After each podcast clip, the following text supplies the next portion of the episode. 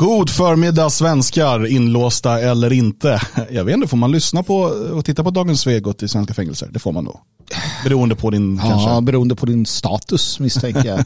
jag vet faktiskt inte, men jag, tänker nog att det får man, för det är så slappt. Ja, eh, det ska vi prata om. Eh, kanske det. Eh, vi, det saknas någon.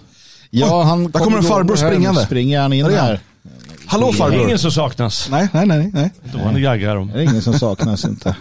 Däremot var det någon som eh, stängt av skrivaren. Det får man aldrig göra. Nej, var det avstängt? Det var avstängt. Ja, är det är illa när det är så. Nej, ja, det är för jäkligt. Eh, Men vad som inte är för jäkligt det är att vi är live igen.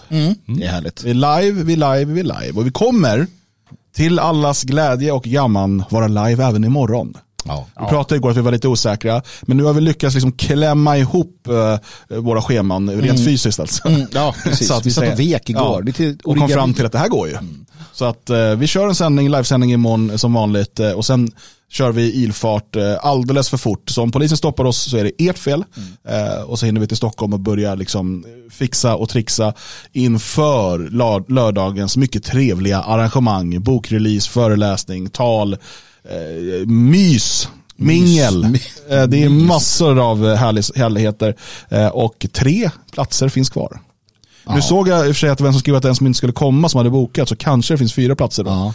Ehm, så kan man boka dem. Gäller det att hugga? Detfriasverige.se devlin. Ehm, så att ehm, vi syns där på lördag. Uh, så det blir väldigt, väldigt kul att träffa er i Stockholm. Eh, idag så ska vi prata, det blir lite temaavsnitt. Ehm, vi ska prata fängelsestraff, eh, kriminalvård eh, och så vidare. Och vi har flera anledningar att göra det, men vi, du och jag Magnus, vi har sett hela den här tredelade dokumentären som finns på SVT Play nu om det här fängelseexperimentet Mm. Little Scandinavia. Eh, och eh, Jalle, du har ju sett en liten sammanfattning kan man säga. Ja, Ehm, och vi kommer titta på lite därifrån den. Eh, Men, men det är intressant för att vi har varit inne på de här frågorna lite grann förut. Ehm, om fängelsestraffet och hur effektivt det är. Eh, är det vård eller straff? Vad är det viktiga och sådär. Ehm, och jag kan redan nu utlova att det här kommer vara ett avsnitt där vi kommer vara oense med chatten. Ja, de kommer bli så arga. Jävlar vad arga många av er kommer bli. Vi kanske kommer vara oense här inne också. Det är inte omöjligt. Men eh, det är för att det är ett sånt här ämne som eh, man måste vara en väldigt logisk person för att kunna resonera om. Men alla dessa känslostyrda typer i vår chatt som bara "Åh", blir arga för minsta Du börjar håna chatten nu. Ja, Alltså. jag, börjar, jag tänker att jag lägger ribban där. Ja, och, så här, och ni som tittar i efterhand då, vill ni också bli hånade i direktsändning? Var med live. Ja. Jag kommer kalla ut det med namn, cringen, får se vad han, eh, vad han eller, eller hon, jag vet ju inte vad det är för någonting. Nej, Ja. det ska inte du lägga i. Egentligen borde man ju bara använda ett så här tredje pronomen, hen. Om Ja, det vore enklare. Det vore när man inte enklare. vet. Ja. Eh, hen här. Börja med det du Magnus, så kommer du också få problem med Titta, chatten. tittar på mig Jalle. Arg. Jag kommer dö snart. Han kommer strypa mig. Uh, nej men det blir, det blir kul. Det är kul med ämnen som väcker eh, känslor och som väcker intresse och som väcker eh, liksom ehm, eh, ett, ett eh, hetsigt samtal. Ja. På tal om att väcka känslor, nationaldagen, det är ju någonting som eh, borde väcka mer känslor inom oss svenskar än vad den gör. Mm.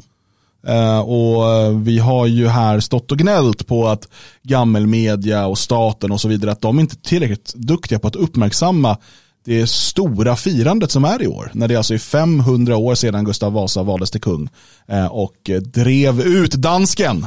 Som vi återigen ska göra. Du måste få hit några ska danskar bara. Så vi kan dem. jag, vet, jag försöker komma på några danskar vi har problem med i Sverige, men jag är inte helt säker. Um, Jonny Hansen, nej han är... Nej, han är inte. Men vad sjukt, tänk om problemet hade varit att så här fryntliga danskar gick runt och gjorde runt och käkade fläskesteg och wienerbröd bara, och- "Erik, hur är det?" Var liksom det stora problemet. Var det hörs så mycket danska på gatorna. Alltså det är klart vi hade argat upp oss.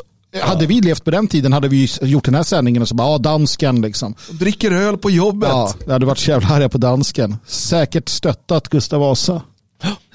Säkert. Ehm, eller eh, så hade vi Christian. varit, ja, det, vem vet. Halva rörelsen hade i alla fall bara, "Ah, men det är bättre om Christian kommer. Ja, just det. Blodbadet har aldrig Gustav är alldeles för liberal. Ja.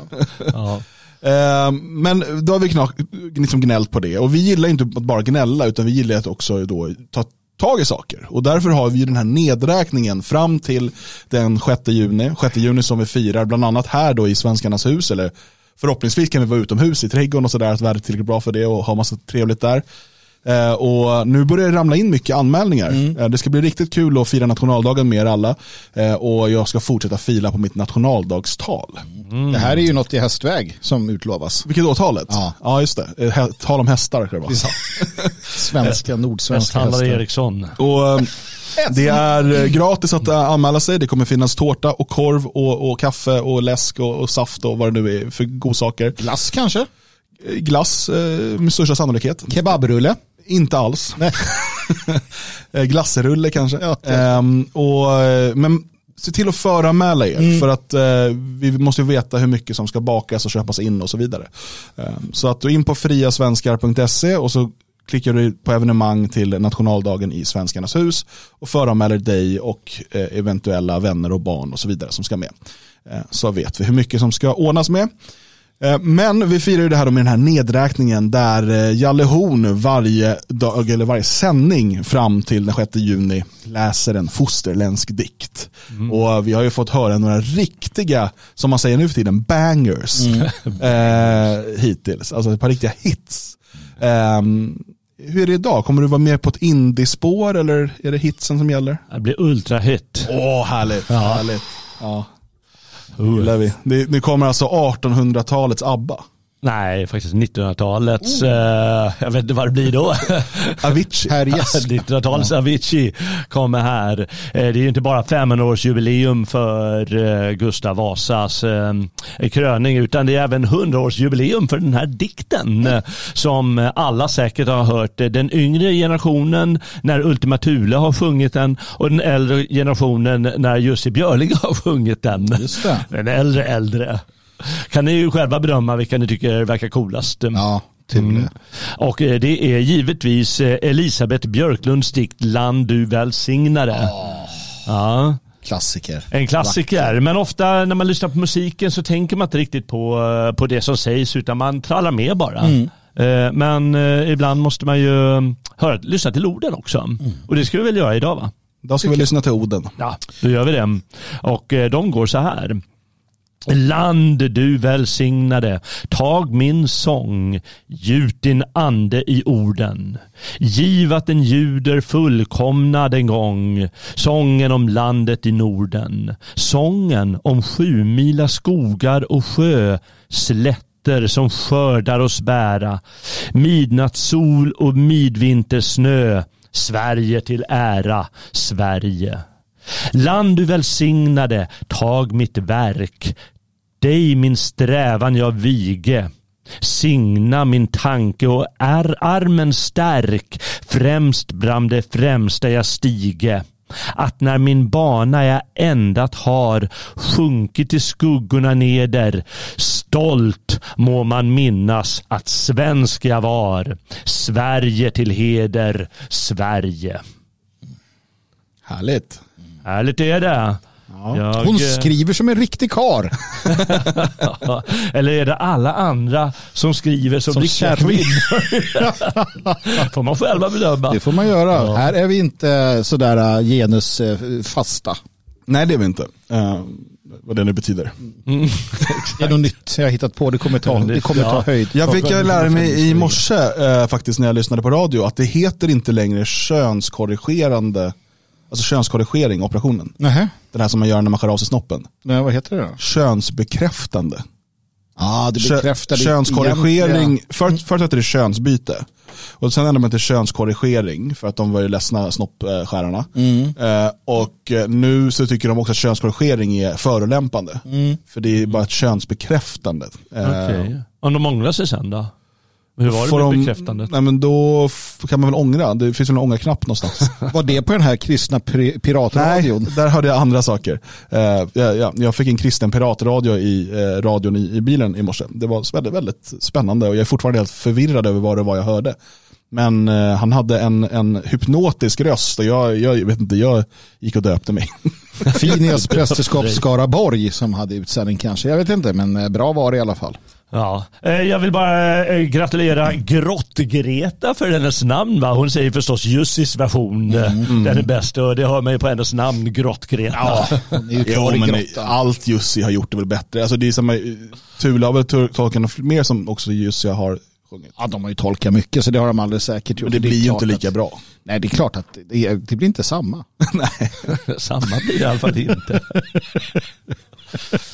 Ehm, um, 12 dagar kvar alltså och var gärna med och fira nationaldagen i Svenskarnas hus. Är du medlem i föreningen Det fria Sverige, det är du säkert, uh, då kan du också delta på medlems uh, exklusiva firanden som är i Skåne och Västerås.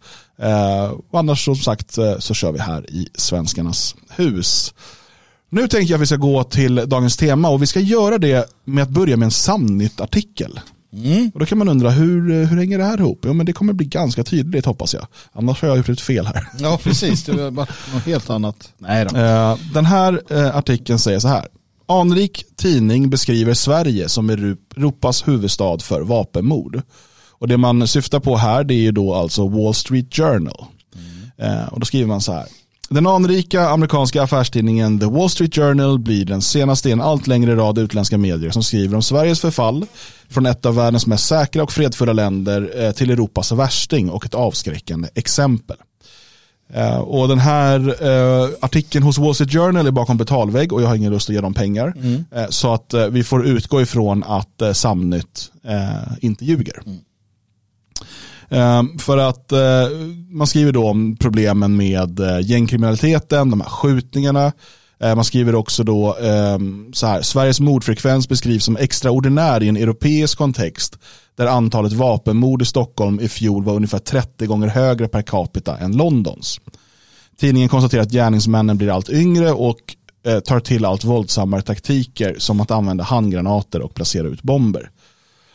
Um, och eh, sen avslutar man så här, och det är det som kommer leda in oss på dagens ämne. Från regeringen medger man att man tappat kontrollen. Jämfört internationellt har vi haft en mycket slappare strafflagstiftning och vi har nu tappat kontrollen över situationen, säger Daniel Bergström, rådgivare till justitieminister Gunnar Strömmer. Och Det där fick mig att hoppa till. Mm. Den formuleringen. Um, för om man tror att anledningen till att Sverige har de problem vi har är att vi har haft för slappa straff, alltså för låga straff, för korta straff. Um, kanske, man kanske tänker på den här straffrabatten för ungdomar eller att det är 15 års, uh, man blir straffmyndig först vid 15 mm. år. Att det är de här sakerna. Att det är det som har gjort att Sverige har hamnat där vi är idag. Mm. Att det skulle vara den huvudsakliga förklaringen. Om man tror det, då har man absolut inte verktygen att lösa de här problemen menar jag. Nej. Nej men det har man inte. Jag tänker att för diskussionens skull, vi kommer ju prata om det lite, det blir lite olika saker. Vi måste hålla ordning på vissa saker. Så jag, jag föreslår eh, att vi först reder ut den frågan. Eh, för det är liksom den nuvarande situationen och hur det ser ut. Och lösningen på den och så vidare. För att sen gå vidare till det här just med fängelsesystem och så. För att det är ju så att lite beroende på omständigheter i nationen så krävs det, tror jag i alla fall, lite olika sätt att närma sig den här frågan. En homogen nation eh, har sitt behov av fång, fång, fångvård och straff och så vidare. En, en heterogen har sin, ett mångkulturellt helvete har sin och så vidare. Så att vi, så att vi vet vad vi pratar om. Ja. Eh, det, det, är min grundläggande tanke här. Jag vet inte hur ni, hur ni resonerar. Jo, precis. Jag tror vi får börja i liksom Sveriges situation mm. och sen kan vi gå över på liksom mer om fängelse generellt och straff och eh, hämnd och sådana mm. saker som, mm. som har med det här att göra. Vi har ju som sagt tittat på den här dokumentären som finns på SVT eh, om, om fängelseprojektet Little Scandinavia i USA. Eh, det finns ju flera intressanta saker att ta med sig mm. från den och vi ska titta på lite klipp och sådär sen. Um, men om vi då börjar med den här svenska situationen. Jag menar ju att det inte i första hand handlar om eh, slapp strafflagstiftning som ligger bakom detta. Eh, utan eh, att Sverige har ett problem, det, det är egentligen en, en, en häxbrygd av lite olika saker. Eh, massinvandringen och, och liksom det eh, mångkulturella samhället ligger såklart som en liksom en fond kring, mm. kring hela det här. Um, och är liksom avgörande för att problemen ska bli på det sätt de har blivit. Men det finns också kombinerat med då till exempel Sveriges integrationspolitik, inte assimilationspolitik, mm. men integrationspolitik med Eh, där man då medvetet valde, det här, var, det här är ganska ovanligt, det är väldigt få länder som valde den strategin, att man aktivt ska uppmuntra utlänningar att behålla sin kultur, att bosätta sig i liksom sina områden och fortsätta odla sitt språk och så vidare. Samtidigt som man bedrev en svenskfientlig, svenskförnekande eh, både politik och liksom en ska säga, kulturdebatt mm. där svensk eh, kultur och identitet förnekades eller hånades. Så vi har liksom ett, ett, ett samhälle där vi har en rekordstor invandring under eh, 20, 30, 40 år. Människor som då inte alls uppmanas att assimileras in i det svenska samhället utan tvärtom uppmuntras både ekonomiskt och liksom på andra sätt att behålla sina identiteter, kulturer och odla dem i sina egna gemenskaper. Samtidigt som du har en offentlig debatt eh, och, och, som, som då pekar på majoritetsbefolkningen, inte bara som liksom tråkig, kulturlös och så vidare, utan dessutom som ond. Vi har hela den här eh, liksom vit skuld, eh, idén som vi, vi såklart Eh, har sett gå totalt bananas i USA men den finns även i Sverige. Och i Sverige har den tagit sig också uttryck i form av att man får lära sig väldigt från, från liksom ung ålder att om du misslyckas, om du inte känner att du lyckas i livet som, som invandrare eller barn till invandrare, då beror det på rasism. Då beror det på svenskarna eh, indirekt. Det beror på liksom den här ehm, eh, vithetsnormen eller att, att du får inte jobbet för att du har ett annat namn och, och så vidare. Och det här bygger ju såklart inte bara ett resentiment mot svenskarna och majoritetsbefolkningen utan också mot staten. Eh, och det i sin tur göder ju alternativa eh, ska man säga, grupperingar. Alltså att, att man, man formeras kring andra saker. Du har ingen som helst lojalitet eller identifikation med vare sig staten eller majoritetssamhället. Och det här har ju varit det finns liknande problem i andra länder med det här, men Sverige har varit extrema i liksom tanken om mångkulturell integration och eh, förnekandet och, och eh, nästan förnekandet och förlöjligandet av det egna, det som eh, det är Scruton som kallar det för oikofobi. um, ehm, och det här har, har jag lett till det. Det tillsammans med eh, svensk stadsplanering. Jag menar att det också är avgörande. För om du jämför eh, hur till exempel storstäderna, jag kan Stockholm allra bäst. Vi har ju då de här satellitförorterna. Eh, eh, man hade ABC-städer som Vällingby och så vidare. Tanken var ju inte att vi alla skulle vara en del av samma stad. Utan i Sverige var vi väldigt tidiga med det här man pratar om nu, 15 minuters staden. Mm. Att du skulle, så att varje liten sån här sovstad skulle bli som ett eget mikrokosmos. Eh, så att du har ju då om du, om du är i Berlin till exempel och du åker in i invandrardelarna, du, det är bara en annan del av stan. Om du åker till eh, om du åker till Rinkeby, då åker du först igenom, du vet, det är skog och det kommer fält och det kommer, du vet, det är som att du, du, är, helt, du är i en ny stad. Det är inte en del av Stockholm. Um, och jag menar att det där också hjälper till att skapa den här um, utanförskap är lite fel ord, men, men, att det finns, vi är inte samma, vad, vad har vi med varandra att göra? Mm. Och alla de här sakerna och säkert fler utöver det blir den här häxkitteln som gör att Sverige har extrema problem. Ja, alltså lägg där till också en generell eh, slapphet när det kommer till uppfostran. Alltså det, det, det faktum att vi inte haft militärtjänst på länge, det faktum att skolan har gått från Eh, jag menar inte katederundervisning men en mer auktoritär syn och det här började redan på 70-talet, 60-talet såklart och det påverkade ju svenska ungdomar först. Ehm, och det där, det ser vi också. Um, så, så, att, för du får inte med dig uh, liksom disciplin eller du får inte med dig plikt och du får inte med dig någonting sånt. Och det är illa nog för svenskar om du också då applicerar det på, på utlänningarna som kommer hit då blir det ju etter värre. Så det, det, det, är skikt på skikt på skikt som läggs på där. Och naturligtvis eh, så kan, eh, straff, alltså hur domstolsväsendet fungerar och så vidare har, har ju sin del till det. Hur polisen fungerar, sensitivitetsträningen. Uh, istället för auktoritet så är mm. man kompis med bovarna och sådär. Alltså allt det här tillsammans, det är den häxkitten du pratar om. Mm. Jag, jag, ska väl också lägga till något och du, du berörde det där med polisens inställning. Att jag, läser man mellan raderna, eh, eh, mellan allt som har skett och inställningen till invandring och så vidare, så tycker jag alltid, eller jag brukar betona att man säger varsågod, uppför dig som ett kräk, begå dina rån, begå de brotten du gör. Det är bara, det är bara, de säger varsågod, det gör polisen när de bjuder på pizza givetvis också. Jaha, ja, men jag får alltså en belöning för att jag begår brott. Ja, härligt. Och den inställningen är ju, är ju mm. oerhört drabbande. Jag vet inte om ni såg, eh, det är något nytt fenomen, det var från Storbritannien, det är en svart kille framförallt ett gäng av svarta, det, det är vita också som håller på, som, som han går och stjäl hundar eh, från folk, han går och skriker människor i ansiktet. Alltså, Så TikTok, ja, TikTok grej, ja.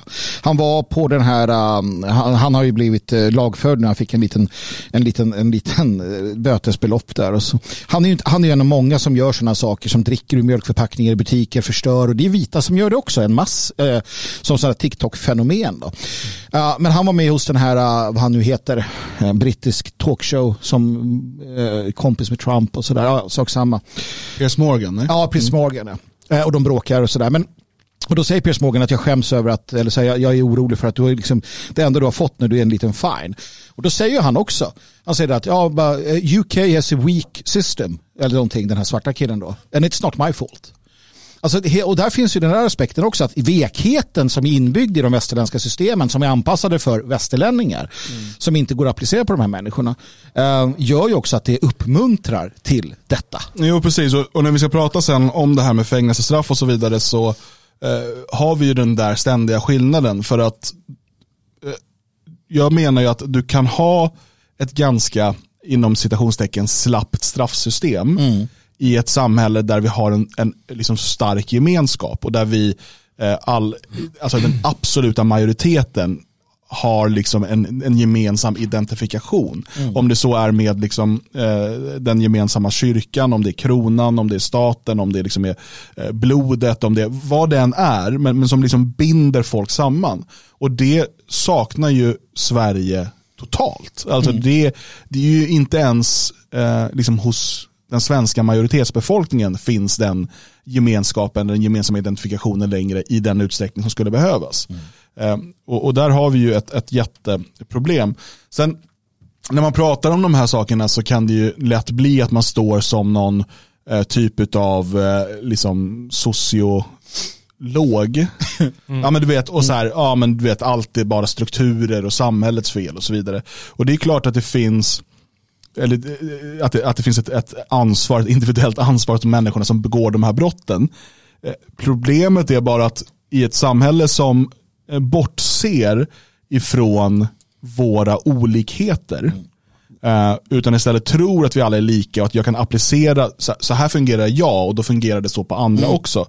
Ehm, då, då, kommer de här individernas problematik komma fram mycket tydligare.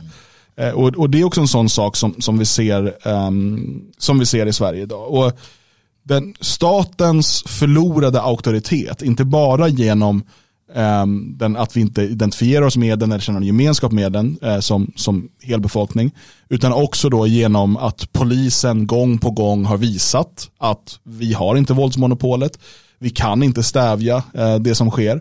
Um, och bara genom det som vi såg, som vi pratade om igår, eller om det var i förrgår, om Paludan och hur polisen liksom backar för, för att uh, muslimer trycker på. Och man då kringgår och rundar grundlagen. Mm. Uh, det är en signal om att det här är en svag stat som du kan göra vad du vill med. Mm. Um, men jag menar att det inte handlar i första hand om ett slappt straffsystem, Nej. utan om en svag stat. Ja, men det blir ju också alltså, en samhållningsfråga, för det är lite intressant. Jag menar om eh, och det kan man ju tänka sig själv om någon av mina vänner åker dit för eh, något brott som eh, alltså är till exempel att man har gjort någonting slagit mot staten eller så, att man har bidragsfuskat eller vad som helst och får sitta, säga att han får sitta i fängelse och kommer ut. För mig så han är ju välkommen i mitt hem eh, för att jag hatar staten. Um, hade det varit en stat som är uppskattad då skulle det finnas, då hade, då hade man, alltså det hade funnits ett rättspatos i samhället. Alltså man hade sjunnat människor. Man hade, så, som de gör i religiösa organisationer, att du har ju brutit mot den här gemensamheten. Du, du är fan inte välkommen. Vad är du för jävla människa? Men idag, när, alltså man, man har inte den känslan för staten, man har inte den känslan för den samhörigheten i folket. Då skiter ju folk i, och det märker man lokalt, folk skiter i det mesta. Alltså ganska grova brott och ganska vedervärdiga brott så tänker folk, ja, ja, men så länge det inte händer mig. Eller, jag har hört sånt vad det gäller liksom alla möjliga hemska saker. Att ja, ja, men han kan ju det här istället. Eller ja, så länge de inte gör det här så ja, skitsamma. Alltså det finns en slapphet i människor. För att hade vi varit att vi vaktar på varandra som jag är helt säker på att man gjorde i det gamla bysamhället. Om någon säger den där jäveln, han är inte välkommen. Alternativt något annat. Va? Men, men vi accepterar det ju generellt sett också för att vi inte har någon gemenskap. Vi, vi, vi har ingen gemenskap eh, liksom som ett folk längre. Och då, då, då, då tappar man ju det också. Nej, och, och det man kanske hamnar i då till slut är ju en, en eh, drakonisk eh, stat och, och ett eh, polisväsende och rättsväsende. För att det vi ser nu när man bara pratar om hårdare straff utan att prata om liksom grundproblematiken bakom det här och liksom en lösning på det. För mig blir det bara att vi ser liksom en, en titofiering av Sveriges mm. ledarskap. Att vi, liksom, okay, men vi måste hålla ihop det här på något jävla sätt. Så att bara se till att straffa folk hårdare och hårdare. Mm. Eh, men om det vore hårda straff som löste problemet, mm. om det vore det, då borde ju USA ha färre mord och färre skjutningar än Sverige. Mm. Mm. Om, om det liksom är det som är huvudlösningen. Precis. I USA har du i många delstater dödsstraff. Väldigt många som döms för mord får livstid på riktigt. Mm. Eh, och dessutom, vi ska komma in på det här med fängelsesystemet, eh, fängelser som är betydligt mer ogästvänliga Oh ja, än oh ja. svenska. Men det verkar inte ha löst problemet. Nej, det, det gör det ju inte. Nej, men så att om man säger att, om man nu tror det, nu, jag tror inte att någon i vår chatt tror att det är så, men om man tror, och det är det, när, jag, när jag läser från Strömers politiska rådgivare där, att det här, ja, men vi har haft ett slappt straffsystem, att det är det som är grundproblematiken. Jag menar att vissa delar av slappheten i Sveriges straffsystem har säkert spelat in. Ja. Men att det är inte grundproblemet. Och det är inte bara om vi nu skulle byta så att, okej, från och med imorgon så är det livstids, alltså automatisk livstid för mord eh, och eh, är du medlem i gäng får du tio års fängelse, eh, dödar du två personer och då är det dödsstraff, eller jag vet inte vad det skulle vara, eller, eller livstidsutvisning eller vad det nu är för att begå de här brotten. Det skulle inte lösa problemet. Nej, Återigen, då skulle USA inte haft de här problemen. Sverige har ju haft skär- straffskärpning. Jag tar till exempel olaga vapeninnehav. Det vill säga att du bär ett, ett vapen, en pistol på stan. Eh, eh, en gång i tiden när jag var lite yngre, då var det liksom, ja ja, eh, du kunde ju komma du behövde inte få fängelse för det. Idag är det per automatik fängelse. Du kommer inte undan fängelse. Det finns inget, det lägsta tror jag ett halvår finns i straffskalan. Det finns ingen villkor, det finns ingenting. Det fick man förut, kunde få villkor för att du gick med en, en picka. Har det blivit fler eller färre som bär pistoler? Fler, för man skiter i det. Alltså att hamna i fängelset, både i Sverige och USA, är för väldigt många en hedersbetygelse. Ja, eller en del av, en del av livsstilen. Precis, och, och i USA, eh, just med gängkriminalitet, så, du, du går ju bara från din misär på gatan till din misär i fängelset. Eh, det är egentligen ingen skillnad. Det kommer brudar som du får ligga med, du kan få in knark och skit och du kan liksom ha ditt våldskapital. Du tjänar ju massor med pengar i fängelset, du har ditt gäng. Det är ingen skillnad mellan liksom Gettogatan eller San Quentin. Det är ju inte det. Och då Ja, spelar viss ju skillnad ingen- är det, men den är ju ja, försumbar. Ja, jo, jo, precis. Ja, försumbar för, för de här människorna. Och återigen då för att ta det. Ehm, bara då, som du säger där. Alltså, om jag säger Christer Pettersson, Lars-Inge Svartenbrandt eller Clark Olofsson. Livstid, inte livstid, hårda, inte hårda straff. För de människorna spelar det ingen roll. För det här är människor som är kriminella in i fibrerna. Det är alltså en asocial typ av människor. Och, och, och det är ju de som du de kommer du liksom inte åt på något sätt egentligen. Eh, men vi ska ju som sagt återkomma till just eh, det här med hur fan ska vi göra då? Eftersom vi vet det. Kanske. Ehm, ja, nej, men alltså, jag menar, om, man, om man bara tar den svenska problematiken specifikt så måste man ju, och, och, och det är den vi ser i stort i USA också. USA har en del andra problem också, men, men eh, det, det specifika problemet är den här mångkulturella idén. Alltså det, det, är, det är grundproblemet. Sen finns det, som jag, som jag, jag tog några exempel till på som har lett till att Sverige har en speciell situation. Mm. Men grunden i det, om du vill komma åt det, så är det ett avskaffande av det här mångkulturella samhällsexperimentet. Mm. Det betyder inte att det inte kan bo människor i Sverige som inte är svenskar. För så kommer det alltid vara. Det kommer finnas liksom invandrare av olika anledningar. Det kommer finnas studenter, gästarbetare. Det kan finnas allt möjligt. Det är inte det som är poängen. Mångkulturen är en, en, en politisk idé. Ehm, där vi inte, alltså där det uttalar det att vi inte ska ha en samhällsgemenskap. Att det inte ska finnas en dominerande majoritetskultur som alla andra faktiskt får anpassa sig efter. Eh, där man tydligt säger att okej, okay, du kommer till Sverige, ha, vi har kollat igenom här, du är välkommen hit. Eh, men då är det här och det här som gäller. Det här är svenskarnas land och du kan inte komma och kräva att de ska anpassa sig efter dig. Vi förväntar oss att om du ska bo i Sverige då kommer du följa lagen, du kommer lära dig språket, eh, du kommer respektera sven, eh, svenska, svensk historia, svenska, svenska seder och, och det svenska folket.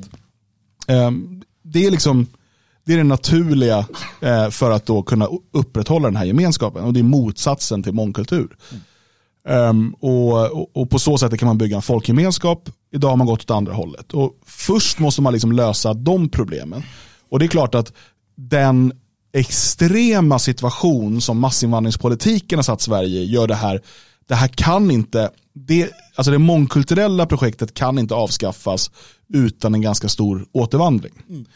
Um, för att, alltså titta bara, Sverige har alltså nu fler utrikesfödda per capita än vad USA hade 1890. Mm. Mm. Mm. Förstå hur invandringen till USA i slutet av 1800-talet har ju format det moderna USA. Mm. Det säger liksom, liksom hela 1900-talets USA är en berättelse i stora delar om migranterna som kom i slutet av 1800-talet. Absolut. Det säger något om vad ni har att vänta er i Sverige. Mm. när vi alltså, man måste låta det där sjunka in för att förstå och, och vi har pratat om demografin och hur det ser ut. Och det gör ju att det går inte att med politiska medel tvinga fram en assimilation av de människor som är här idag. Mm. Så att det är väldigt stora för, så att man behöver ha den här eh, stora återvandringen av alla människor som inte är eh, integrerade eller assimilerbara. Och, eh, och sen ha en, en migrationspolitik som är helt fokuserad på svenskarnas intressen mm. och vad som är bra för Sverige. Absolut. Um, men, men ja, och det är inte Strömmer beredd att prata om, utan då är man inne på att vi har fått slappa straff. Ja, ja. Men vi, vi pratade ju om det tidigare, det här med att eh, det är svängdörrar på, eh, liksom, svängdörrar på Migrationsverkets eh, lokaler. Och vi har ju en enorm, eh, vi har ju just nu ett enormt överskott på fångar som gör att man måste bygga nya fängelser. Vilken fantastisk industri för somliga. Mm. Eh, att bygga nytt där. Vi har, vi har, nu har vi dubbelbeläggning i i många eh, celler i Sverige. Vi skapar en livsfarlig miljö för för svenska fångvårdare. Det, det är också en utav, faktiskt en av de orsakerna som man bör titta på det här. Framförallt det här Prison Project som vi ska prata om då, Little Scandinavia. Det är också att i USA så har alltså, och det här gjorde mig mörkrädd, en fångvaktare i USA har alltså en medelålder på 58 år. Mm. Oh. De har eh, självmordsfrekvens och eh, PTSD-frekvens som krigsveteraner. Mm. Så har fångvårdare det i USA. Stressen är mm där. Medan i Sverige, ja det är som vanligt. Ja. Eh, och Norge och sådär. Ja, I Sverige kommer det ändras, kommer vi få se. Men, ja, det kommer det. För det var, och för att ofta så när man pratar om fängelse, då pratar man om fångarna, de ska minsann hit och dit. Men det är sällan du pratar om de människorna som jobbar där. Mm. Jag tror att det är, det är otroligt klokt det du säger, för antagligen kommer man man kommer förstå saker på ett helt annat sätt när man studerar de, eh, de fångvaktare för det är mycket färre och eh, liksom det blir mycket tydligare. Alla kan ju förstå att bland, bland många fångar kanske eh, medellivsåldern är lägre och eh, ska säga, hälsan och så vidare är, är sämre. Men bland, bland fångvaktare tycker man att det borde vara normalt. Men uppenbarligen när det är så ja. så, så syns det sticker ut på ett helt mm. annat sätt. Eh, och det, det hör givetvis ihop. Absolut. Och jag, det är därför jag blir också eh, upprörd varje gång, en del förstår inte mig, men, men när en utlänning döms till livstidsfängelse i Sverige, mm då blir jag förbannad. Ja, absolut. Vad fan ska den här personen sitta och ta upp en fängelseplats i Sverige för? Nej. Nej. Det finns två val här. Antingen dödsstraff mm. eller eh, livstidsutvisning. Mm. Det bygger såklart också på att vi har säker, en säker gräns. Han kan få avtjäna ett straff i vilket land han nu kommer ifrån. Jag skiter lite i det. Jag vet att det finns en, liksom en hämnd och, och eh, begär och s- liksom, offer och så, jag fattar det. Men att den här personen ska få dels ta upp massa resurser, kosta massa pengar för svenskar, dels riskera att förpesta liksom, tillvaron för svenska fångar som kanske är där för att få kriminalvård, som vi kommer att prata om sen. Eh, jag, jag tycker att det är, varför ska utlänningar få ta upp resurser i svensk kriminalvård? Ja, det är ju skandal. Och, eh, jag, jag, jag undrar om det beror på en, en motvilja att just utvisa invandrare. Att ja, men vi vill ha dem här till varje pris. Eller om det beror på en, en liksom, hur den diplomatiska Sverige har blivit så dåligt att de inte kan sätta press på eh, alla de här länderna. Ja, men vi kan inte skicka, de vill inte ta emot honom. Det spelar väl ingen roll. Och, Är vi starkare än eh, Somalia eller är vi svagare? Uppenbarligen är vi svagare för vi anser att somalierna eh, de, eh, de, säger, de, de säger nej. Aha, då böjer vi oss bara. Eh, Det här, eh, ni kan se hela den här dokumentären, eh, Little Scandinavia, den finns på SVT Play i tre delar. Eh, Den blev ju lite abrupt avbruten eh, på grund av corona, Ja, det här projektet. Så det började ju tror 19, 2019 Ja, och, sådär. 2019 tror och så skulle de liksom avsluta 2020, eller de skulle liksom, då skulle de öppna den här ehm, avdelningen i USA, eh, men så kom corona och så dog det ut allting två år. Sådär. Eh, för att det det handlar om är då att det är, eh, från ett amerikanskt fängelse så är det fängelsechefen och ett antal som arbetar där, både fångvårdare och ehm, andra som då reser till Skandinavien, först till Norge, det är framförallt Norge, det verkar vara ett amerikanskt-norskt projekt. Eh, Men de besöker även Sverige och Danmark. Är de i Finland också? Troligt Nej, att de är i. Finland. Eh, och eh, besöker skandinaviska fängelser och ser. För att det vi vet, och det här måste man också tänka på, det är att i Sverige eller i Skandinavien så är återfallsbrottsligheten mycket lägre än i USA. Ja. Återigen, USA har hårdare straff, det är värre i fängelse, för jag såg någon som skrev här, fängelset är inte avskräckande nog. Men i Skandinavien har vi en av de lägsta återfallsförbrytarfrekvensen. Trots att vi har det som man då säger är de minst avskräckande fängelserna. Och Jag tror att det här bygger på en, en, en fel idé om att ehm, Ja, vi kanske kommer komma in på det, men att straffet i sig skulle vara att fängelset är dåligt eller fult eller smutsigt.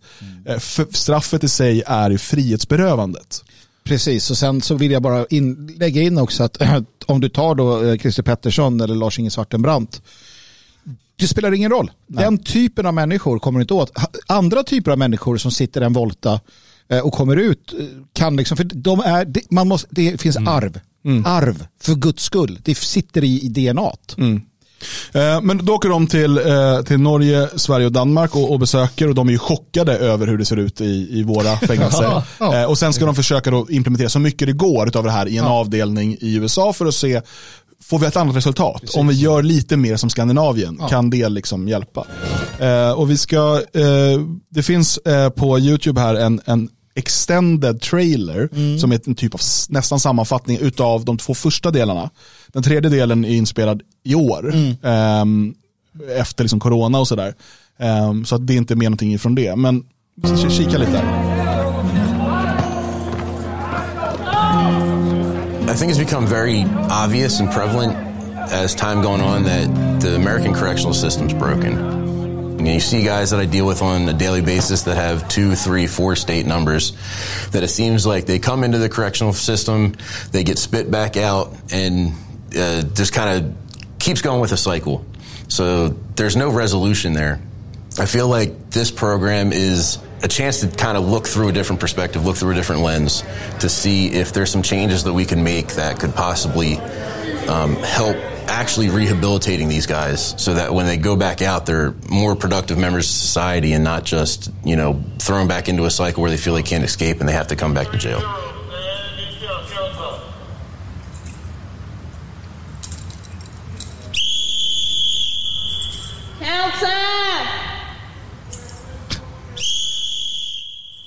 Det, eh, just som han är inne på här, är det me- meningen att de här människorna ska komma ut i samhället igen?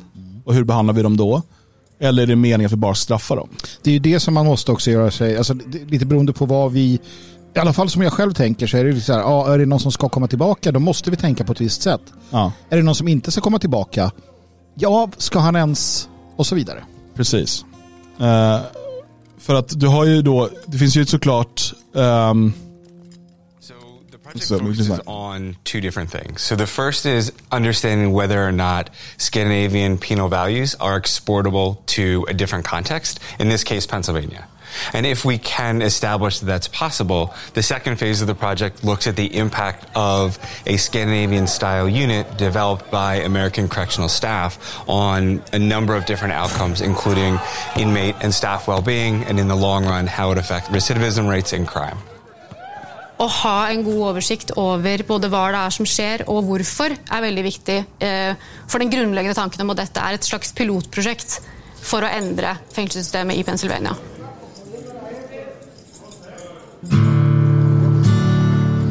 Det är ju provocerande att se. Mm, för nu kommer de komma på besök i Norge. Ja. Eh, för det finns ju två saker här att tänka på. Eh, eller det finns ju flera, men, men eh, alltså den ena är ju det finns ju också ett behov av att hålla vissa människor borta från samhället Absolut. för att de är farliga. Ja. Och det menar jag är ju, när det just gäller fängelse, alltså inspärrning, mm. så är det det huvudsak, bör vara det huvudsakliga syftet med just själva inspärrningen. Mm. Sen är frågan, okej, okay, ska den personen också rehabiliteras och på något sätt göras till, liksom, och försöka få den att bli en fungerande människa i samhället? Mm. Eller är den här personen obotligt livsfarlig? Um, för att jag såg, eh, det skrevs i chatten här, eh, det finns en enkel lösning, släpp inte ut dem igen. Men vilka mm. är de? Alltså folk som hamnar i fängelse, det är allt ifrån liksom skattebrott, eh, misshandel, till mord och pedofiler och våldtäktsmän, eh, till liksom, eh, någon som har rånat en, en kiosk. Mm. Till, alltså, det, ska alla de sitta på livstid för alltid? Nej, och vem ska ta hand om dem? Alltså de, människor då som, om, jag, om, om människor hamnar i de situationerna, som till exempel amerikanska eller andra fängelser, då tenderar man att sitta där och bli mer och mer, ska jag säga, djurisk då, eller brutal. Sen börjar du ge dig på fångvaktarna för att du måste göra någonting. Eh, det är därför du har 58 år som, eh, som medellivslängd i USA. Det är för att det är den stressen. Ska vi, ska vi då skapa ett sådant system i Sverige eh, som skapar den stressen eller ska vi inte göra det?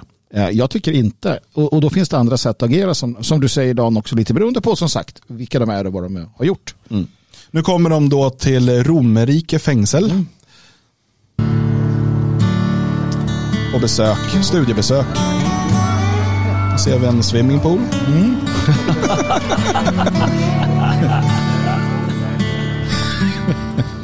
det är min favoritbild. Ja, ja just det. Den stora, den stora vikingen framför ja. de små Nu är på Ila fängsel. Weapon, weapon, hot water weapon, weapon, knives wherever they are, weapons. Obviously. Han är ju chockad, um, de har alltså knivar. De visar, och det här är ju en sak, och det här är ju väldigt intressant, den stora skillnaden. I eh, många då skandinaviska fängelser så har ju, har ju då eh, fångarna tillgång till kök. Mm. Där de kan laga mat och så vidare. Mm. Eh, och för mig, när, jag, när man ser då att amerikaner i fängelse får aldrig laga mat, Nej. utan de går alltid bara till någon lucka och får mm. sin mat. Jag blir helt så här, hur fan tänker ni att det här ska kunna skapa en människa som sen ska fungera i samhället? Nej. Tänk att sitta inspärrad 20-30 år, ja. som många av de här sitter. Ja. Kanske från att du är 18 tills att du kommer ut när du är 40-50 bast. Du har aldrig lagat mat. Du har varit, alltså man pratar om att bli institutionaliserad. Mm. Du har bara gått till en lucka, uh, mat och sen släpps du ut och bara nu ska du bo i lägenhet. Du har aldrig handlat mat. Du har aldrig handlat mat, du har aldrig, du har aldrig lagat kläder. mat, nej ingenting. Eh, och så vidare. Det finns, ju, det finns ju en idé då i Skandinavien att du ska liksom återanpassas. Du ska liksom normalisera, du, måste, du ska lära dig att ta hand om dig själv. För det ofta, mm. finns ju en social problematik med många människor. Och det har man bara struntat i USA. Utan då, så här, men då så här, har du suttit 30 år och inte fått liksom ta hand om dig själv på något sätt. Och sen bara ut. Och så bara, varför blev han kriminell igen?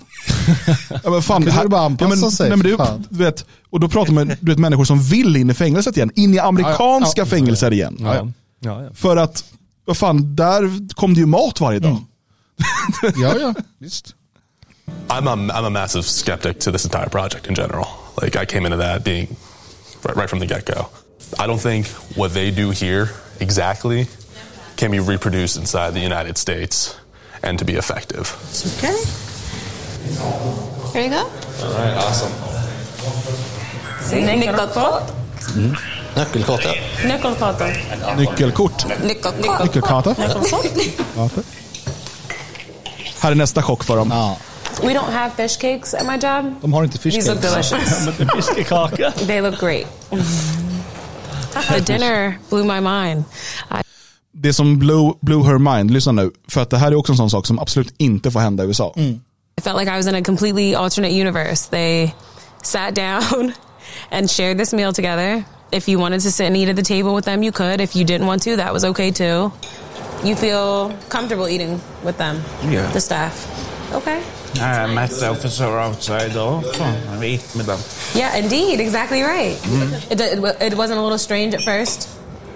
Was it a little strange at first? No.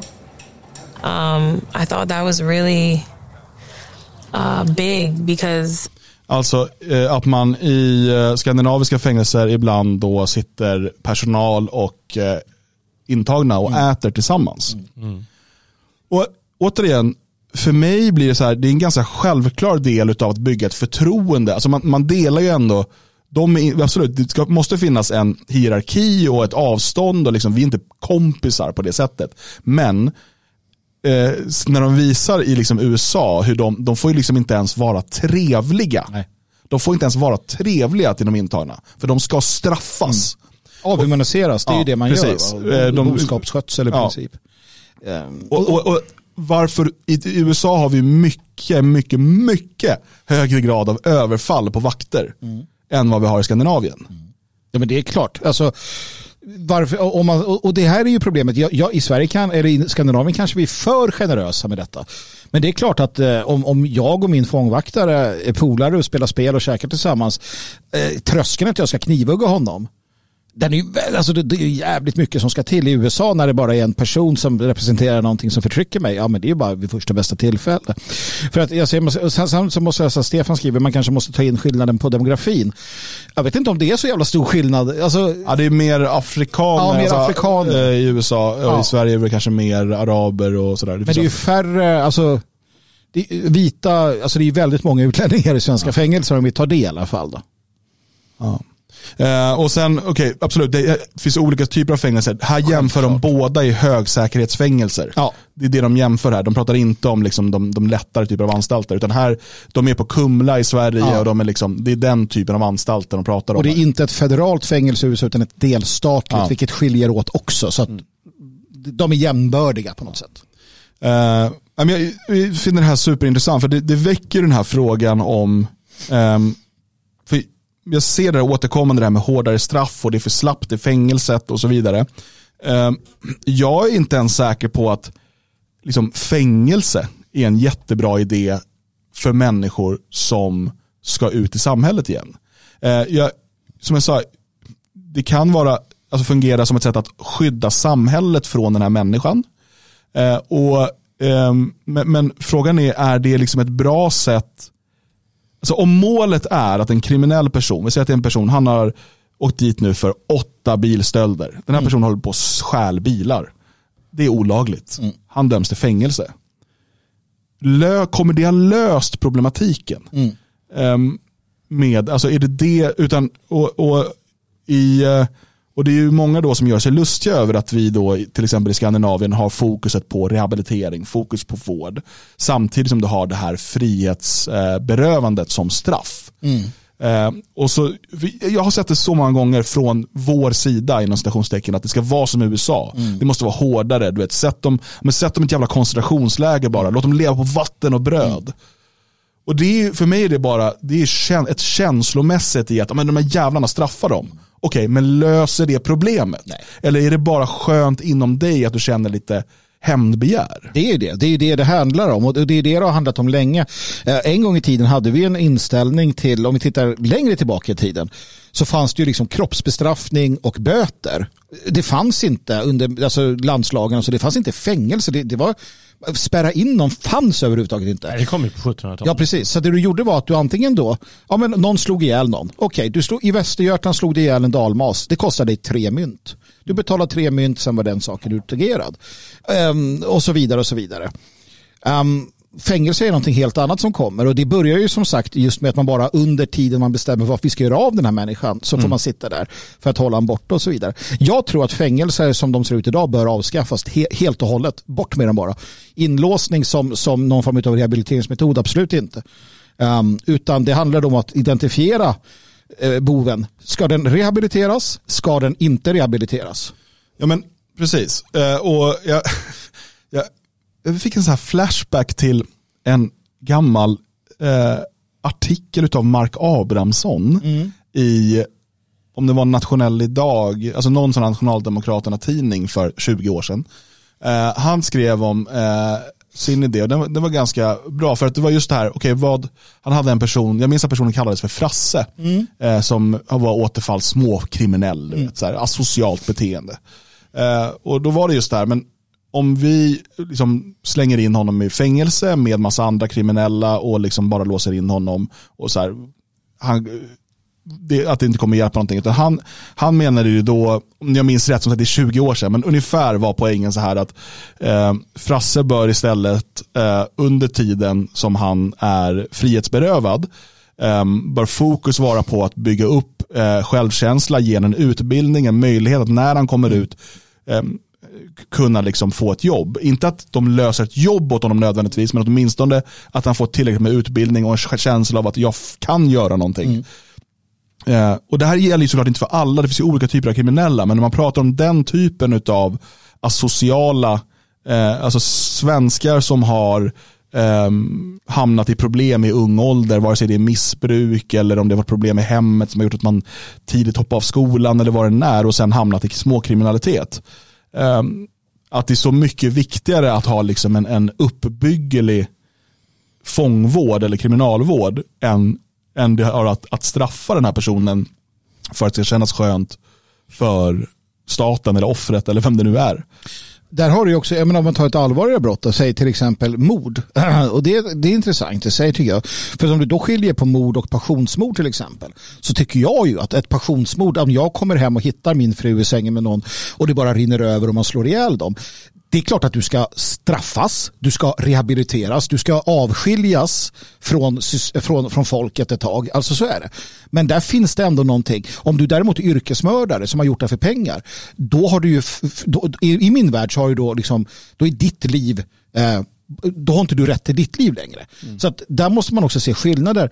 Eh, sen måste den här hämnden, det måste finnas någonting, alltså du måste få Du måste kunna, eh, systemet måste hämnas åt och såklart det finns det också, annars så kommer folk inte acceptera det. Ja, precis, och det, du har ju den här avvägningen för att annars får du ju eh, en typ av eh, gatans Ja, eh, parlament precis. eller liksom där, där människor då börjar utmäta straffen själva Mm. för att det ska bli någon typ av rättvisa. Vi har ju byggt upp ett system eh, som där, där man försöker då värdesätta det i pengar och där är Mm. ju sällan folk är nöjda. Så här, ja, men, och det, det är ju helt rimligt. Ja, men du våldtog någon, du överföll någon och våldtog på gatan här. Eh, du ska betala 80 000. Det är så Ja, här- är det så här, din sons liv var värt Ja, 120 000, precis. det, det, det duger Ehm, inte. Nej, Eh, och där, där förstår jag att liksom offret eller offrets anhöriga är, alltså att, att här, här krävs det någonting annat. Om vi ska svara på Charlottas fråga, jag vet inte om hon var med från början, eh, men vi pratade ju om att man måste se det här lite utifrån vilken situation samhället befinner sig i. Eh, vad skriver hon då? Hon skriver rehabiliteringssnacket är ju det som politiken håller på med i årtal. Har det fungerat? Ja, jämfört med USA där det inte finns rehabilitering så har det ju fungerat. Vi har, trots att den situationen ser ut som den gör det med, med massinvandring och mångkultur så har vi alltså som, som du var inne på den lägsta graden i princip utav återfallsförbrytare. Ehm, så att ja, det har ju till del fungerat och det fungerar ju åter, alltså rehabilitering fungerar ju på den som är rehabiliterings eh, möjlig. Den fungerar inte på Lars-Inge Svartenbrandt. Nej. Nej, men inte bara ta den stacken Ja, igen. och återigen som vi pratade om i början, att, att eh, problemen Sverige har, alltså att vi har flest eh, skjutmord i Europa per capita, eh, kan omöjligen bero på att bara bero på att vi, det kan inte bero på att vi satsar på rehabilitering snarare än långa straff. Nej. För att då hade ju USA haft jättefå mord. Alltså om det bara var det, jag säger inte att det, det kan finnas spår av det också, att liksom straffen är för slappa och så vidare. Men, men det är inte, det finns ingenting som tyder på att det är det som är lösningen på det här. Utan problemet här är ju ett, ett betydligt större sådant. Och ja, självklart bör ju fokus vara, om människor ska tillbaka in i samhället så är det väl självklart att fokus mot, gentemot den personen måste vara rehabilitering. Mm. Och gentemot offret eller offrets anhöriga upprättelse. Mm. Och då har de två att balansera. Mm. Men upprättelsen kan ju ske på andra sätt än att man då eh, torterar den här människan eh, under ett antal år och sen slänger ut på gatan och säger klarar det bäst själv. Mm. Mm. För att då skapar du bara nya problem. Nya offer. En nordisk svenne skriver straffarbete rehab, dom, två, alternativ ska bara, de två alternativen ska bara finnas. Och det är ju så sagt så. Jag, jag håller med, straffarbetet kan ju, alltså, vad lägger man i det? Ja, att du har en person under förvaring, om vi kallar det för, för förvaring istället för fängelse. Och under den förvaringen så får du lära dig disciplin, du får lära dig gå upp i tid, du får lära dig en massa saker. Men det sker ju på ett sätt som också gör dig Eh, hanterbar, foglig. Det görs inte genom att göra det till fiende med fångvårdarna. Det gör det inte genom att förtrycka och, och så. Naturligtvis, då kan du få den effekten. Eh, och orsaken till att fängelserna inte räcker till, Charlotta är inne på det, det är ju för att vi fyller på med människor. Mm. Det, det, det är ju den påfyllnadseffekten som kommer. Alltså landet fyller på med eh, hundratusentals människor. Um, absolut. Och sen så då ja, absolut. Rehabilitering utan tidsgräns. Jag tar det, alltså, har vi bestämt att en person ska rehabiliteras, mm. att vi ser det, den här människan kan rehabiliteras, då får det ta den tid det tar. Och det här är ju fruktansvärt provocerande. Mm. Uh, precis som när människor då döms till psykiatrisk vård. Mm. Då du faktiskt kan skrivas ut väldigt kort därefter och du har gjort ett ganska ohyggligt brott. Mm. Men har du gjort det, och vi kan ju en del om, om hur hjärnan fungerar. Jag menar utifrån någon form av moralisk och, och liksom så syn, kan du, en människa som inte är vid sina sinnesfulla bruk, kan han straffas i förlängningen när detta gått över? Du är ju vår moralfilosof. Hur tänker du kring det? Du, du gör ett ohyggligt brott under mm. den tiden du är psykiskt sjuk. Du får hjälp under ett år. Du kommer ur det och är en, du är en helt annan människa. Ska du fortsätta sitta fängslad? Men där har du ju ett perspektiv kvar och det är offrets som också måste ha hänsyn till upprättelse för offret. Mm. Och är det då att behålla den här människan tio år Nej, det, det, är ju att göra den då psyksjuk av det. Ja, precis. Nej, men, men, men det måste ju balanseras mot det. Och jag vet inte exakt vad som är lösningen. Eh, jag menar ju till exempel, har du mördat någons barn, mm. då kanske föräldrarna kan få bestämma om du ska leva eller inte. Charlotta var inte med från början. Hur dyrt blir det för rehabilitering eh, för oss skattebetalare? Bättre med utvisning? Ja, precis. Men vi pratar om det här i början. Ja. Eh, det, vi pratar inte om eh, i dagens mångkulturella, Nej. mångrasliga samhälle. Vi sa att det finns ett fundamentalt problem som måste lösas ja. först. Vi pratar om det generellt sett och i ett, ett samhälle som har löst de grundproblemen. Ja, Men vad säger moralfilosofen? Ja, jag håller med Dan där att eh, kanske föräldrarna till barnet ska välja det. Mm.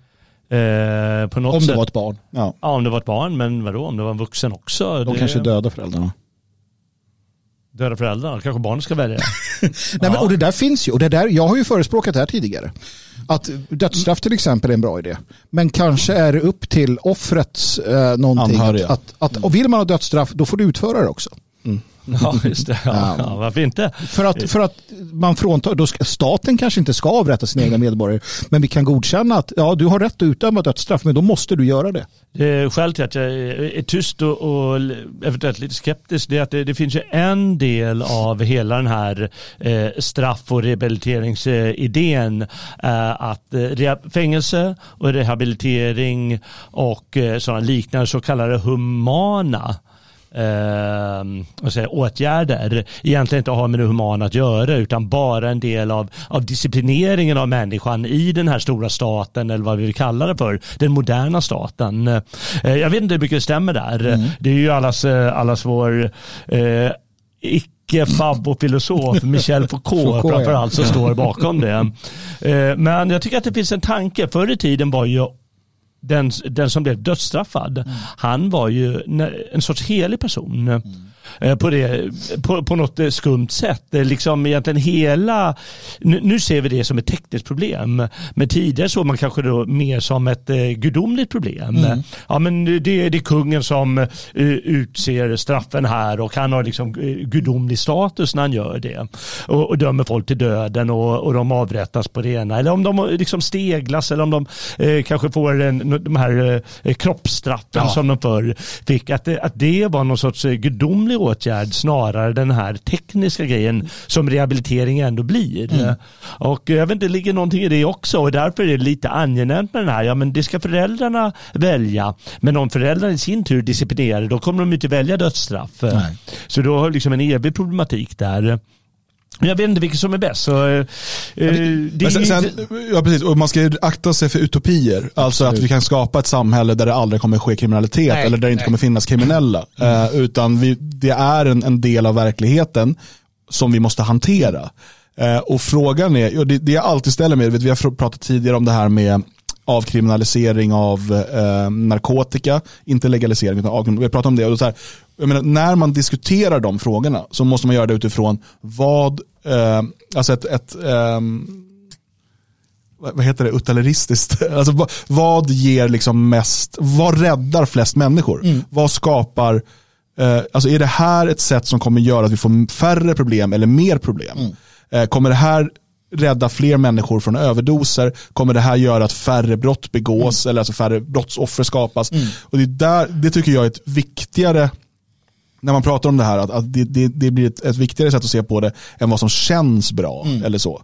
Um, och Då blir ju liksom det här med, med rehabilitering eh, blir ju ganska självklart för mig. Mm. Jag såg där att någon skrev, Bob skrev här, sluta skjutprojekt eh, fungerar bara om väldigt långa fängelsestraff hotar en Springare.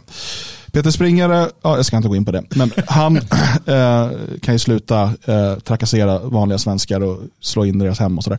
Eh, hur som helst, ehm, om det är höga straff för skjutningar som får slut på skjutningar så borde ju USA ha slut på skjutningar. Jag, jag bara, mm. jag säger, alltså, Sydamerika också delvis. Ja, och vi eh, såg att det togs upp tidigare här att El Salvador eh, mm. har ju börjat få ordning på liksom mm. gängkriminaliteten och så vidare. Och det, det, är väldigt intressant det som sker i El Salvador nu. Det är väldigt svårt också att få någon riktigt objektiv information om vad som verkligen resultatet av det blir. Men eh, och jag menar att vi kommer se en liknande utveckling i Sverige där vi till slut kommer få något typ av ledarskap som bara kommer liksom fånga in folk och sätta dem i arbetsläger. Alltså El Salvador, eh, det man måste se, det är, det, är inte, det är inte en stat där du har en brottslighet. Det är ett krig mot ett, ja. mot ett, ett och flera kriminella gäng med, ja. med tiotusentals medlemmar som är ja. tungt beväpnade. Det som är Mexiko med kartellerna, det är inte kriminalitet längre. Det är alltså... Det, Nej, det är stridande det är, fraktioner om, liksom, om, om områden. Precis, jag tycker inte att det är jämförbart. Nej. Uh, det, det, alltså MS-13-medlemmarna, det, det, det är alltså, eh, kombatanter som Men, men, men saken är att vi riskerar att få en liknande Absolut, utveckling ja. i Sverige med de här kriminella gängen, klanerna och så vidare. Mm. Uh, och, och jag tror tyvärr att, att svenska politiker eller politiker i Sverige uh, inte kommer vara beredda att lösa grundproblematiken. Mm. Och därför kommer vi kanske inte det är inte säkert att det kommer bli precis som i Sydamerika, men att vi kommer få se en fortsatt utveckling åt det hållet. Såklart inte en spikrak linje, det kommer hända saker som gör att det under tid går ner och så vidare. Men just att vi har ett, en stat eller ett samhälle där vi inte känner den här gemenskapen, den gemensamma identifikationen med någonting som är större än oss som individer, utan att vi är alla de här olika grupperna, vi har pratat tidigare om balkanisering um, och, och så vidare. Det kommer också leda till att vi får eh, ett, krigsliknande scenario. Självklart. Där olika grupper, klaner eh, och så vidare kontrollerar olika områden. Mm. Um, det, också... Vilket i sin tur kommer trigga en ännu mer repressiv och militariserad polis och stat. Och det i sin tur kommer också skapa väldigt underliga situationer som, som sagt, en av mina sådana här intressen är Nordirland och konflikten där. Mm. Där alltså människor som då kallade sig paramilitära och det var från båda sidorna och brittiska staten slogs med varandra. Det utvecklas till mer och mer kriminella gäng där man då ägnar sig åt olika typer av kriminalitet för att upprätthålla sin revolutionära agenda. Sen hamnar folk i fängelse för att de har gjort kriminella saker och blir sen benådade när staten kommer överens med de här kriminella, nej just det, paramilitära. Så att att det finns en hela tiden när man kommer till de sakerna och då kan det hända vad, vad, vad fan som helst. ETA, är det en kriminell organisation eller en revolutionär rörelse? Lite av båda. Mm. Så att säga. Va? Och det är det också som, men det är en helt annan sak. Då pratar vi fortfarande inte jo, om. Jag och menar, det är dit vi är på väg. Ja, eh, man kan se dem som en frihetsrörelse. Man kan också se dem som ett kriminellt gäng mm. eh, beroende på vilken del du kollar på. Det är ju inte så att de inte har sålt vapen och droger och att de inte har liksom haft händer i väldigt okristliga eh, verksamheter. Mm. Eh, eller mördat oskyldiga eller så. Eh, men, men, och det ligger väl i betraktarens ögon vad som är vad. Men de där sakerna flyter lätt ihop. Ja. Nej, och det är ditåt vi är på väg. För att i framtiden när de här fraktionerna kommer strida i Sverige eh, så kommer de naturligtvis ägna sig åt vad vi kallar för kriminalitet för att upprätthålla sig eh, och sin ekonomi. Men de kommer också göra saker som då i deras egna eh, anhängares ögon ses som frihetskamp.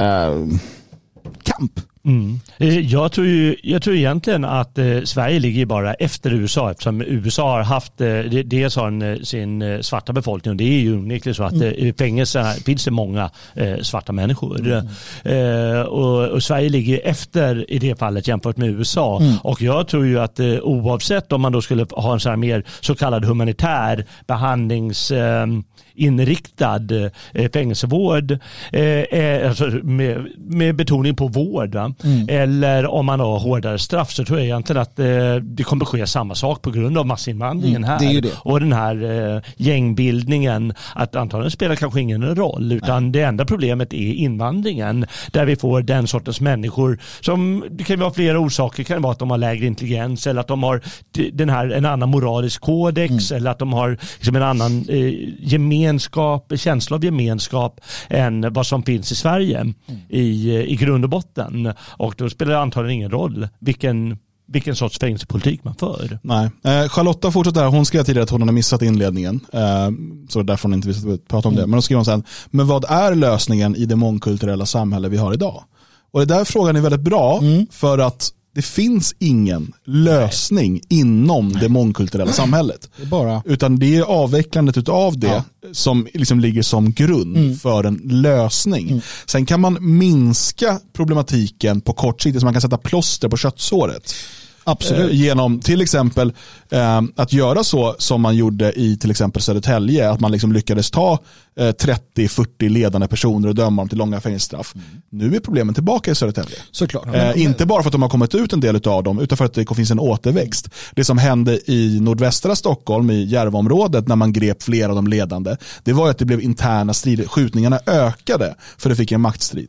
Um, och ut, om du inte vill avveckla det mångkulturella samhället, nu, Charlotta vill säkert det, men alltså om man, de som vill lösa, säger ska lösa det här, om de inte vill eh, lösa det, eh, avveckla det mångkulturella samhället men lösa den här problematiken, det de kommer ta till då, det är eh, metoder som innebär att oskyldiga kommer eh, drabbas på ett eh, oförsvarligt sätt.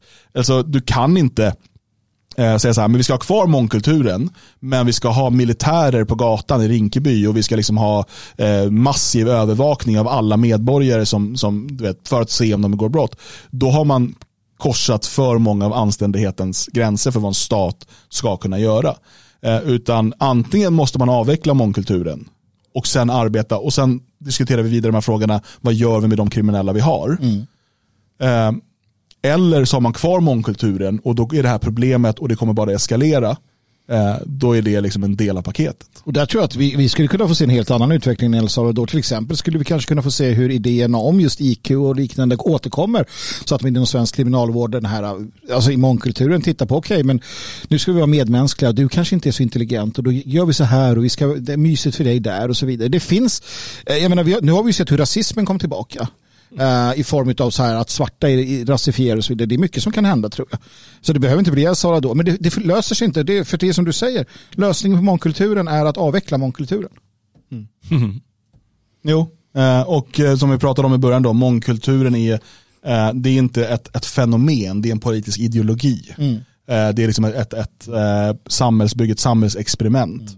Um, så för att begreppet i sig är förrädiskt. Mm. Sverige har alltid varit ett land av väldigt ja, ja. många fantastiska fina kulturer. Eh, regionala, lokala. Alltså, det, det, är liksom inget, inget tal om det. Eh, så att nu använder vi deras begrepp för det, men jag tror att man måste göra det för en förståelse. När vi pratar om mångkultur så pratar vi om eh, det samhällsexperiment som säger att vi inte ska ha en övergripande mm. Gemenskap. Sen så allt Svea skriver hårda och ovanliga straff minskar landets attraktionskraft för kriminella klaner etc. Och jag tror att om vi i en framtid skulle ha ett, sven ett svenskt Sverige, men som fortfarande vill vara en del av en större en större liksom värld, då, då jag är öppen för idéer som till exempel att en medborgare i Sverige har en viss typ av lagar medan icke-medborgare som är som gäster mm. naturligtvis straffas hårdare.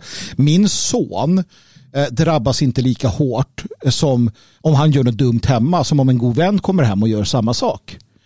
Faktiskt. Jag, jag är, det är ju två skilda, han bor ju där, det är ju min liksom så. Men den här gästen som beter sig illa, men vad fan, du är, om du är gäst och beter dig illa så är det värre någonstans, mm. lite beroende på. Va? Så det är en sån sak man kan ha och det har ju varit så. Eh, som sagt, i, i, alltså i Västra Götaland slog det ihjäl en västgöte. Mm. Det var ju mycket värre än om du slog ihjäl en dalmas. Eller en östgöte såklart. Östgötarna kan man jaga. Men på Island får, får man fortfarande slå ihjäl Ja, det är någon till indianer eller något. Italienare kanske? Var italienare kanske? inte ihåg. Ja. Det är någonting som... Det finns något i, i lagen där. Och det är ju självklart så för att de där, våra egna står närmast. Jag har inga problem med den. Varför ska lagen vara lika för alla? Mm. Uh, I den aspekten. Lika för alla medborgare, ja. Ja, precis. Men är du inte medborgare? Men med medborgarskapet kommer ju dina de här rättigheter men också vissa skyldigheter och precis. plikter gentemot det gemensamma, det vi är medborgare ja. i. Vare sig du, som sagt, eh, man har Tidigare kanske man har sett kyrkan eller konungen högst upp. Idag har vi inte den samhällsordningen. Den kanske kommer tillbaka, det kanske kommer någonting helt nytt. Mm. Eh, men det man försöker idag i Sverige och i många andra länder det är ju då att ja, men vi ska kunna liksom bygga en ny identitet ja. runt värdegrunden. Ja. Och den här värdegrunden är ju flytande. Och är det någonting man måste förstå är att om du ska bygga en, en hållbar identitet som ska traderas så måste det vara kring något konstant. Mm. Alltså annars kan det inte traderas. Om det är värdegrunden, som jag, jag började med att prata här, för två år sedan så var man tvungen att säga könskorrigerande operation, annars var man en, mm. en, eh, en transfob. Säger du det idag så är du transfob, för nu heter det könsbekräftande. Den här värdegrunden är jävligt svår att liksom navigera i ja, ja, och, och, och, tro att människor ska sluta upp och bara ja, vi är alla värdegrundare. Ja. Nej, men sen är det här väldigt djupt och så, så det, det är intressant i sig. Jag menar, du har ju Magna Carta eh, som, som liksom stipulerade det här då att alla är understödda lagen, hög som låg, till och med kungen. Sen har inte det alltid genomförts. Och sen sådana grundläggande principer som, som habeas corpus, eh, rätten till exempel, så det använder man i USA. Du kan inte få sitta inspärrad hur länge som helst utan att någonting görs och så vidare. Det här är väldigt grundläggande, har funnits väldigt länge. Även om de, man har varit lite sådär, mm. kanske då. En, en sak som man har i USA och som jag tror att Sverige kommer bli betydligt mer drabbat av det är ju att eh, också fängelse är big business. Mm. Um, USA har alltså uh, enligt den här dokumentären, jag förstod inte riktigt om hur de menade, men de menar alltså att de har 25% av världens fångar mm. sitter i fängelse i USA. Uh, och jag tror att de menar i demokratier, för annars måste det ju, det är oh, jättekonstigt. Ja, uh, men hur som helst, i alla fall i de länder som man kan ha koll så är ju USA det land som överlägset spärrar in flest människor. Mm. Mm. Och Det finns flera anledningar till det. Eh, uppenbarligen fungerar det inte så bra. Men jag tror att i ett, ett samhälle som gör fångar till en handelsvara som du kan berika dig på eh, så skapar det felaktiga incitament. Mm. I Sverige idag har vi en, en stor överbeläggning på fängelser. Mm. Eh, det, det, är därför man nu går tillbaka till delade celler. Det pratar man också om i den här, i den här dokumentären. Eh, Sverige har ju då i 60-70 år haft som idé att man ska ha en egen cell. Att det är mm. viktigt. Liksom. Vilket nog är klokt. Det är klokt och det visar ju inte minst när de testar i USA nu att så här, jäklar, de här blir ju mycket lugnare, de kan mm. sova och de slipper och bajsa framför någon. Ja. Du vet, sådär.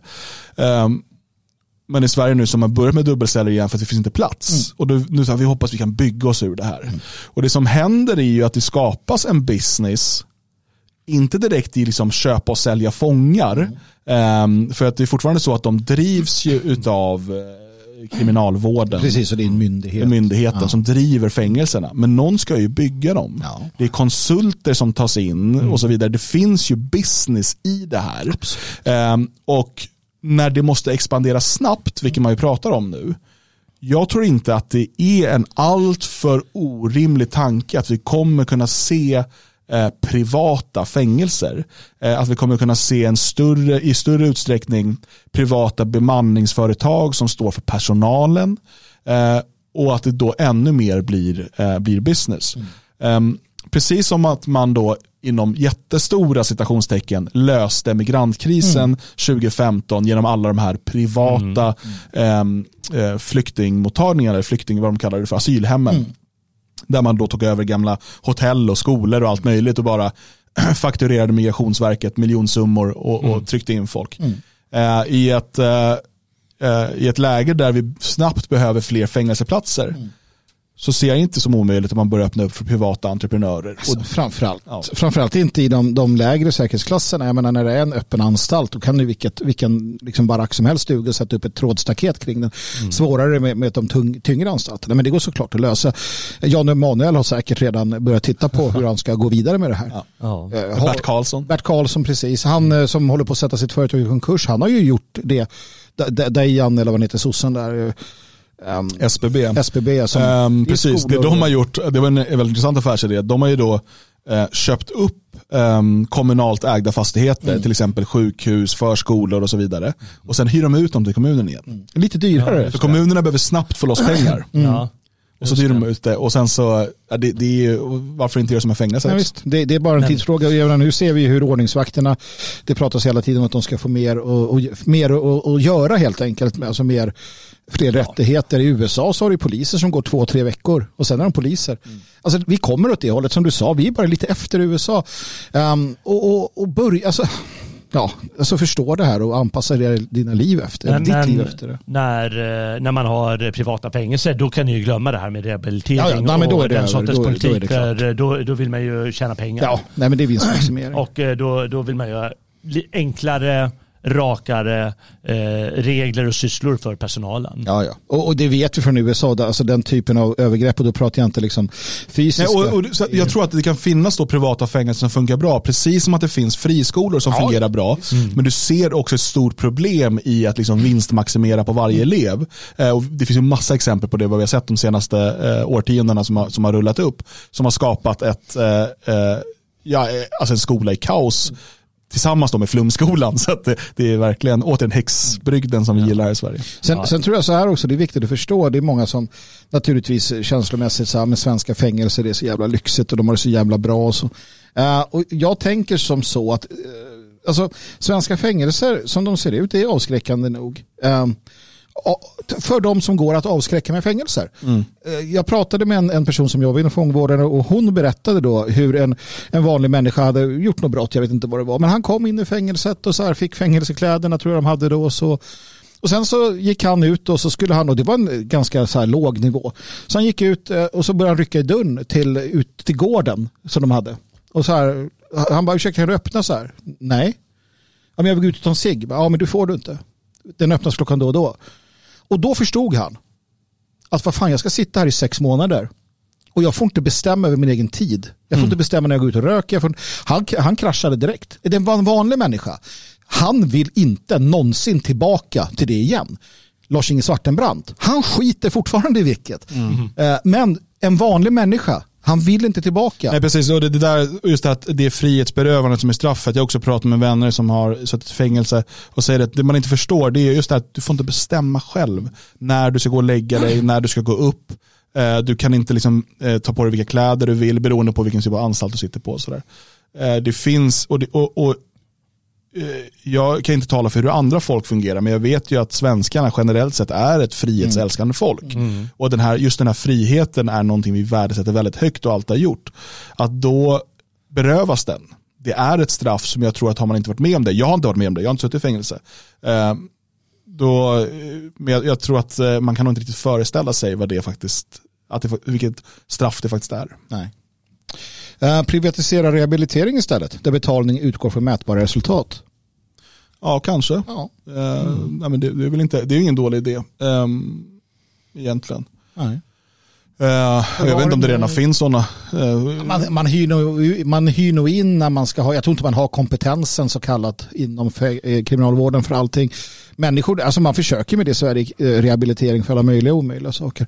Ja. Hjärnforskningen bör ju naturligtvis utökas, vi bör förstå hur det fungerar. Vi bör också lära oss att detektera människor som är oförbätterliga såklart.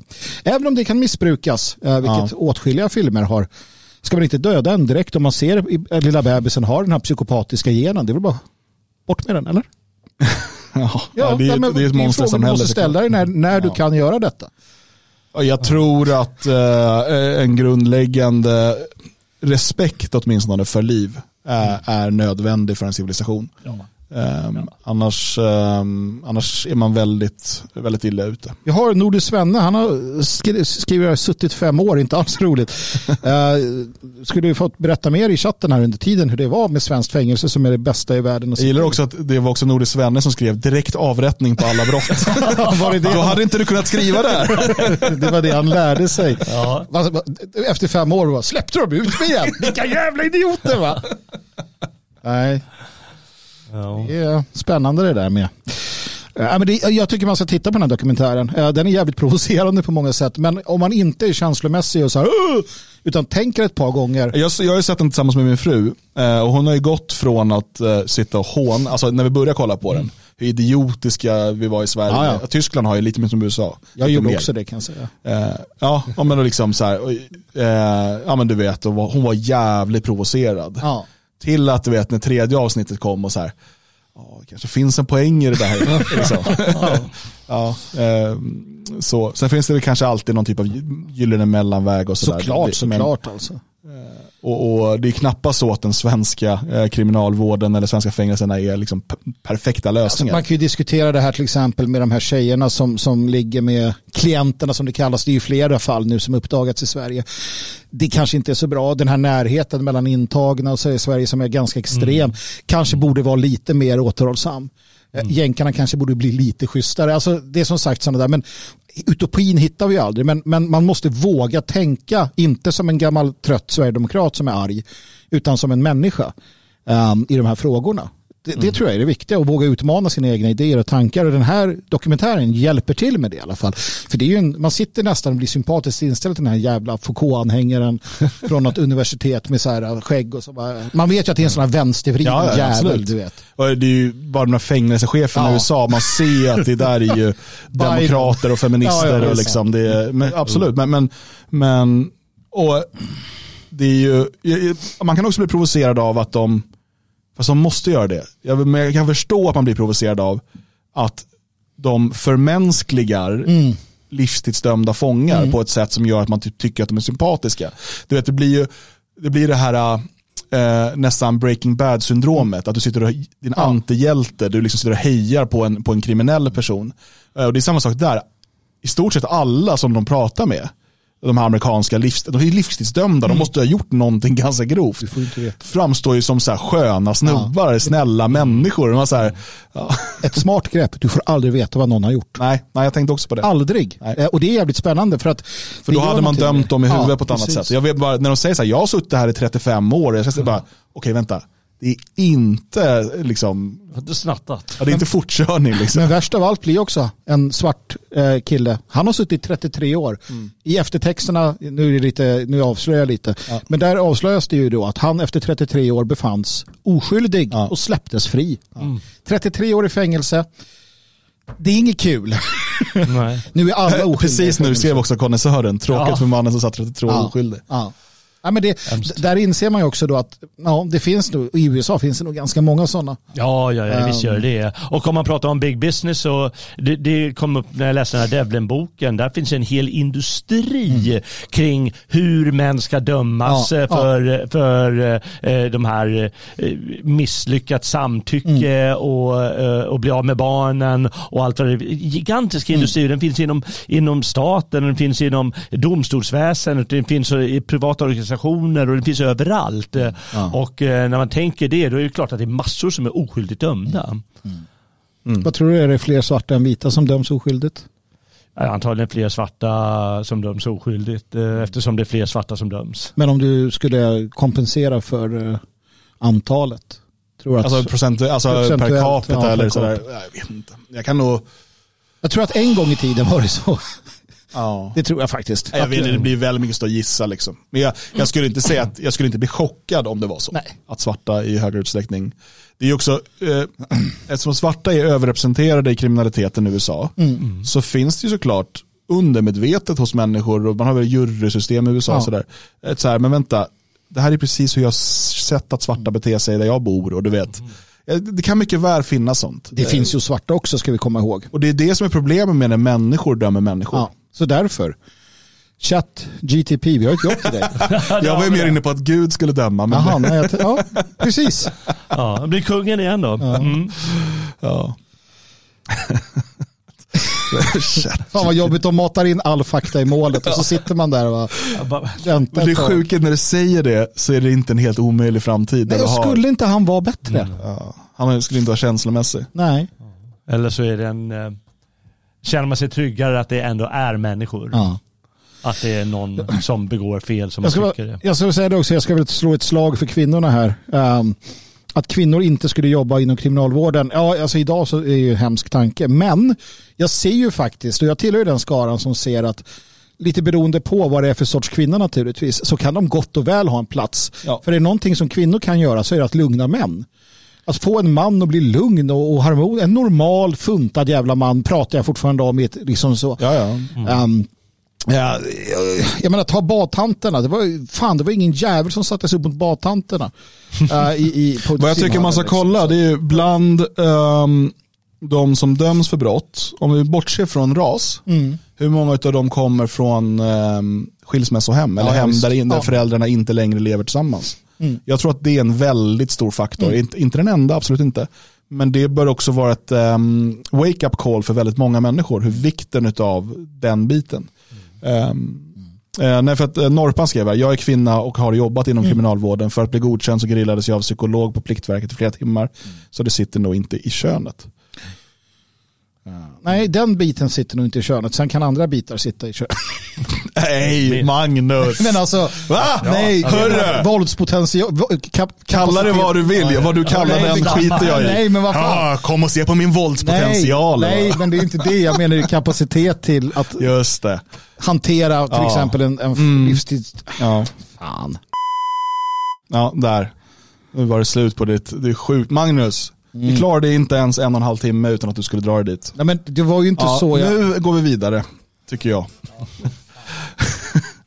Hörni, eh, sveting.se. Ja, vad är det för något? Otrolig eh, publikation eh, för eh, idé och kulturdebatt. Som, det kommer ju upp lite uppdatering idag snart. Eh, Men igår så skrev vår kära Urban, Urban, Urban, han skrev om separatism. Det är bra grejer det. Det är bra grejer. Jag tänkte jag skulle fortsätta på det spåret idag. Ja. Ja. Det ser vi fram emot. Eh, Gå in på sveating.se och teckna en gratis eller betald prenumeration beroende på vad du vill ha tillgång till. Eh, Så får du eh, härliga uppdateringar varje dag. Det finns både texter, poddar, e-böcker och ljudböcker att ta del utav. Ehm, Men jag tänker att vi ska avrunda här dagens program. Så vi att, ehm, vi har någonting, lite röst kvar tills imorgon. Så tillbaka till saltgruvan nu och arbeta. ja. Eh, vi kör ju live imorgon, veckans sista sändning. Eh, och den börjar som vanligt klockan 10. Vi eh, kommer ju... eh, jag kan säga så här, vi kommer inte kunna dra över på tiden imorgon. Det är Nej, för inte tajt schema Nej. imorgon. Ja. Eh, så vi sänder mellan 10 och senast 11. Men vi måste helt enkelt eh, kolla om bilens pappa bor kvar.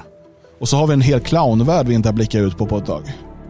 Så att det blir ett fredagsavsnitt, det blir lite härligt häng, eh, var med oss då.